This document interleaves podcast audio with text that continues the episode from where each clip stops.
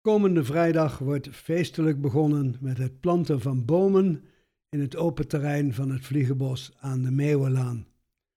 Maken verschillen. Als wandelaar vind ik bomen vaak een beetje benauwend. Ik kijk liever ruimschoots om me heen. Maar van de initiatiefnemers moet het Vliegenbos weer meer bos worden. En dus komen er bomen op dat veld bij de Meeuwenlaan. Nooit park zeggen. Tegen het Vliegenbos leerde ik al 15 jaar geleden als nieuwe Noorderling van oude Noorderlingen. Het is een bos, geen park. En inderdaad, het grootste aaneengesloten iepenbos van West-Europa.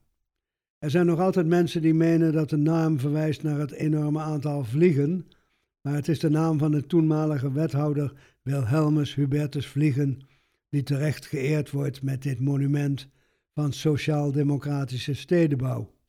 De omringende woonwijken waren nog niet eens gebouwd, maar Vliegen en zijn partijgenoten hadden al bedacht dat daar arbeiders zouden komen te wonen die afkomstig waren uit Drenthe en Limburg, die dus vanuit het platteland en de natuur ineens in de stenen omgeving van een stad zouden belanden. Daarom werd er al bij voorbaat ruimte geschapen voor groen, en dat is daar een eeuw later nog steeds in volle glorie, het Vliegenbos. Met aan de zuidzijde het eerste volkstuinencomplex van Nederland, Buitenzorg. Ga er vooral eens kijken. De jonge koningin Wilhelmina deed dat 100 jaar geleden ook. En speciaal voor die gelegenheid is midden op buitenzorg een paviljoentje met glas- en loodruitjes gebouwd waar zij thee kon drinken. Er is hier in Noord een vereniging die zich bezighoudt met de ruimtelijke ordening en die Angsau heet. Klinkt een beetje als een indianenstam, maar het is een afkorting en betekent Amsterdam-Noord, de groene stad aan het water. Een naam als een leuze, als een programma, die lange tijd ook is waargemaakt. Want wat was Noord groen? Zelf woon ik in Bannebuiksloot. Grotendeels wat je noemt een achterstandswijk, maar wat is die ruim en groen gebouwd, met gescheiden rijbanen en veel kinderspeelplaatsen. Ga ook daar eens kijken, in de Buiksloterbreek bijvoorbeeld. Waterpartijen, rietkragen, geheimzinnige eilandjes.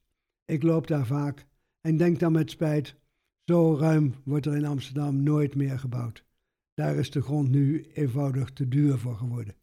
En zijn er te veel woningzoekenden. Groene stad aan het water. Wandel verder naar de nieuwste wijken van Noord, de Bongert, maar vooral Buiksloterham, het gebied rond het metrostation Noord. Oh, het is vaak prestigieuze architectuur tot uw dienst, maar waar is het groen? Zijn steenwoestenijen. De wind jaagt er doorheen en op de begane grond dringt de zon zelden door.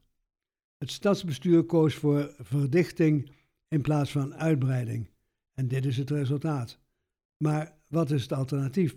Er komen honderdduizenden Amsterdammers bij. En als die niet dicht op elkaar en hoog boven elkaar gaan wonen, moeten we met onze stadsuitbreiding de A10 over. Het Landsmeerderveld in. Wie weet Waterland in. En wie wil dat? Ik niet.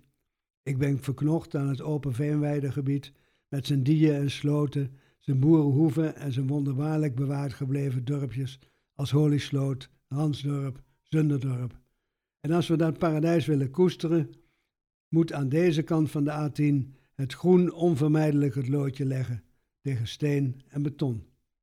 Vliegenbos is een monument van een voorbije tijd.